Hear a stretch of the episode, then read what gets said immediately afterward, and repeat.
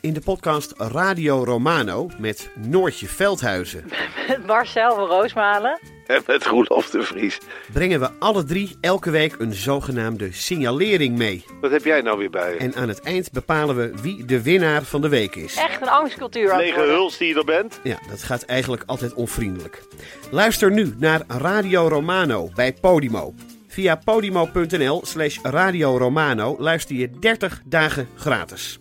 En terwijl ik val, zie ik die enorme kop van die beer boven me. In de wekelijkse podcast Echt Gebeurd worden al meer dan 10 jaar mooie, grappige, spannende en ontroerende verhalen verteld door de mensen die ze zelf hebben beleefd. Het regende bommen, dat wil zeggen, om de zoveel tijd ontplofte er een bus. Er zijn al meer dan 400 afleveringen van Echt Gebeurd verschenen. Dit is geen sjamaan. Dit is een achterhoeker.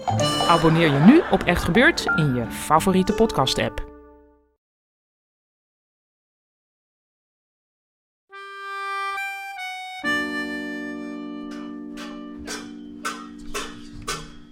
Bert! Bert! Wat is dit nou? Ik wil gehoord worden. Nee, hou op!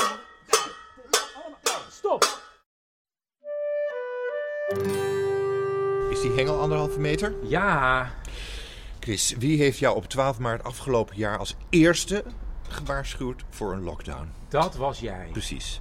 En dat ik daar heel weinig credits voor heb gekregen, daar kan ik mee leven. C'est la vie. Oh, maar? Ja. Eh, waarom luister jij niet meer? Ja, maar misschien omdat je altijd iets te zeggen hebt, Ja. Bert. Altijd! Wie heeft deze tweede lockdown voorspeld? Nou, voorspeld. Nou, wie?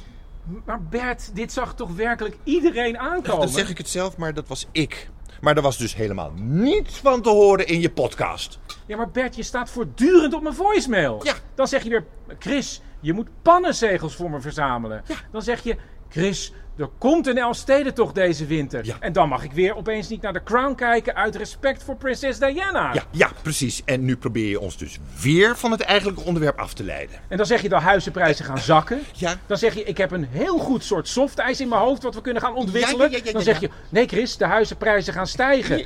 Eh, ik heb het meest superieure soort wc-papier gevonden. Ik kan toch niet En, alles... en de tweede lockdown. Ja, ja. Vanaf eind juni zeg je, er komt een tweede lockdown. Ja, eh, en Ja, er is een tweede lockdown. precies. Dus ik zat er weer pats boem bovenop. Vanaf juni, Bert. Kan je nagaan. Nou, gefeliciteerd. Wat zeg je? Gefeliciteerd. Dank je, Chris. Wat fijn dat dat nu helemaal uit de lucht is. hè? Maar goed, het gaat helemaal niet om mij. Is dat zo, Bert? Chris, ik ben slechts de boodschapper. Don't shoot the messenger. hè? Over boodschappen gesproken, nu ik hier toch ben, heb je nog pannenzegels? Want dit is toch geen pan meer te noemen.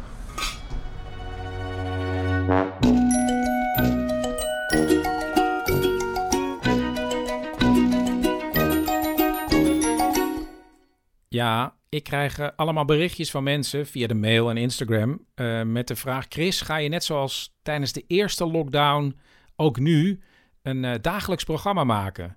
En tegen die mensen moet ik zeggen: nee, dat ga ik niet doen. Eh, dat heb ik toen gedaan en dat was 81 afleveringen achter elkaar. En toen kon je me werkelijk opvegen. Het was wel nou, misschien het allermooiste en allerfijnst wat ik ooit gedaan heb. Maar ik heb besloten na de zomer om een wekelijks programma te maken. En daar voel ik me eigenlijk heel fijn bij, dus dat blijf ik doen. Het enige is dat ik heb besloten om zowel op eerste kerstdag als op tweede kerstdag een aflevering online te gaan zetten. Dus die hebben jullie te goed. En ik heb in de vorige aflevering al een oproep gedaan. En eh, daar ben ik al mee bezig om. Ik ga die kerst gewoon heel lang uitrekken, omdat we dat nodig hebben. Dus ik zoek feel good en feel bad kerstverhalen. Dus misschien heb je ooit een verschrikkelijke kerst meegemaakt. Ehm, deel je verhaal met mij dat het helemaal misliep. Iedereen ging weglopen bij je kerstdiner en je zat daar alleen met je kalkoen. Of misschien heb je een feel good verhaal dat je een soort wonder hebt meegemaakt op kerstavond. Nou, het mag alles zijn als het maar met die kerstperiode te maken heeft.